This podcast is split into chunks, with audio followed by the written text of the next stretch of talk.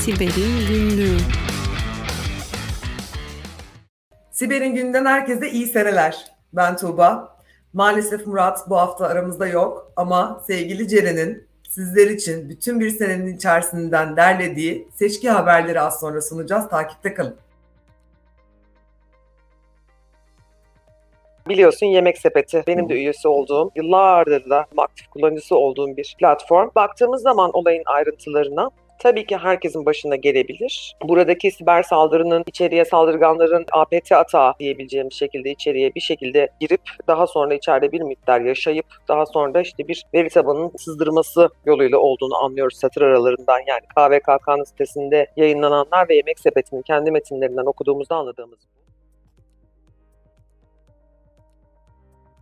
LinkedIn iddiaya göre 500 küsur milyon adet kişinin bilgisi çalınmış, sızdırılmış durumda. Diğeri de Clubhouse. Orada da milyonlarca kişinin yine bilgisi sızdırılmış durumda. Haber bu. Ama haberi biraz detayına girdiğimiz zaman aslında en azından bu ikisinin, Facebook öyle mi, diğerleri öyle mi henüz bilmiyoruz. Bizim alışık olduğumuz anlamda veri sızıntısı olmadığını görüyoruz. Onun yerine İngilizce'de data scraping denen ben Türkçe'ye işte biraz verinin kazınması, kazınarak alınması diye çevirerek genellikle anlatmaya çalıştığım yöntem olduğunu görüyoruz.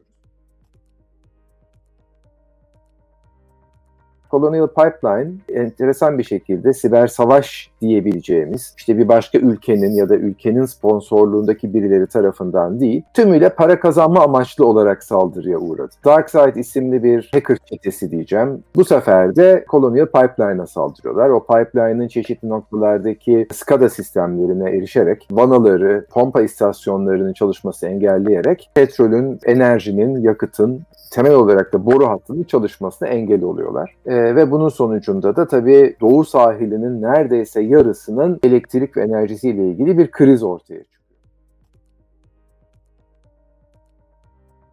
Benim şansıma mıdır bilmiyorum. Tarihin en büyük fidye yazılımı saldırısı olarak kayıtlara geçen saldırıyı sunmak bana düştü. Bildiğiniz üzere Florida merkezli IT yönetim yazılımları üreticisi Kaseya firmasının BSA yazılımındaki bir Zero Day zafiyetinden faydalanan Rusya destekli Revil grubu bir ransomware saldırısı gerçekleştirdi ve bu saldırı doğrudan veya dolaylı 2000'e yakın firmanın etkilendiği bir saldırıya dönüştü. Grup daha önce Tayvanlı teknoloji devi Acer'a düzenlediği saldırıda fidye olarak 50 milyon dolar talep etmiş ve bu o güne kadar istenen en büyük fidye olarak kayıtlara geçmişti. Bu sefer grup Kazeya saldırısı için 70 milyon dolar karşılığı Bitcoin talep ettiği yine haberler arasında görünüyor.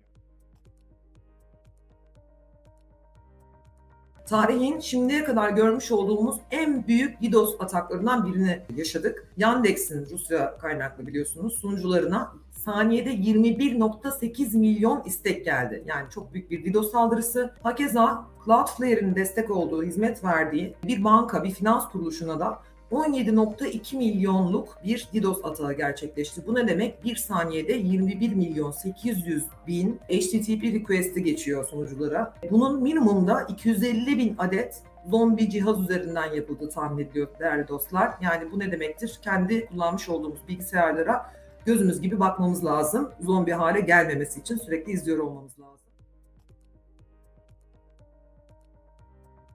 Söz konusu olan açık aslında hem konfigürasyon hem şirketlerin mecburen uygulamak durumunda kalmış olduğu bir özellik. Exchange teknolojisinin kullanılmasından kaynaklı bir özellik. Bir de bütün bunların yanında client'ları ilgilendiren yani son kullanıcıyı ilgilendiren bir durum söz konusu. Guardicore isimli bir güvenlik şirketi var ve bu güvenlik şirketin araştırmacıları bize bu hafta Exchange'deki bu otomatik bulma yani Auto Discover protokolünün yanlış uygulanması nedeniyle Windows kimlik bilgilerinin yani bu girdiğimiz kullanıcı parola bilgilerinin üçüncü taraf ve güvenilmeyen web sitelerine de gönderilebileceğini ispatladı. Şöyle eski klasik anlamda bir X sitesi hacklendi basitliğinde bir haberi uzun zamandır ben aktarmamıştım en azından. O yüzden bunun üzerine biraz atladım. Hem de çok büyük olay tabii ki. Çünkü basit bir hackten bahsetmiyoruz. Yani Twitch'in neyi varsa yoksa hacklendi gibi bir durum var ortada. 125 GB'lık bir torrent linki konuldu. Bu 125 GB'ın içinde ne var diye bakarsak Twitch'in bütün yazılımlarının açık kaynak kodu, çeşitli AWS servisleri kullanıyorlar. Bunların kodları ve API anahtarları ve belki de en dikkat çeken sızıntı da 2019'dan beri yayıncıların elde ettiği gelir ve onlara yapılan ödemelerin listesi çıktı. Son dönem çok sık karşılaştığımız, çok sık duyduğumuz ve konuştuğumuz fidye saldırısına uğradı MediaMarkt ve bunun sonucunda da en azından Almanya ve Hollanda'daki mağazaların çalışamadığını biliyoruz. MediaMarkt haberinin önemli olmasının sebeplerinden bir tanesi de istenen fidye miktarı bir rekor. 240 milyon dolar diye geçiyor haberler. Şimdi aslında olay şu arkadaşlar. Zaman zaman aynı sitenin veya işte bir siteden çıkan verilerin başka sitelerde denenmesinden mütevellit. Özellikle işin e-ticaret boyutunda bizim çok sık rastladığımız bir durum bu. İşte X bir hack grubu bize geliyor diyor ki benim elimde sana ait veriler var.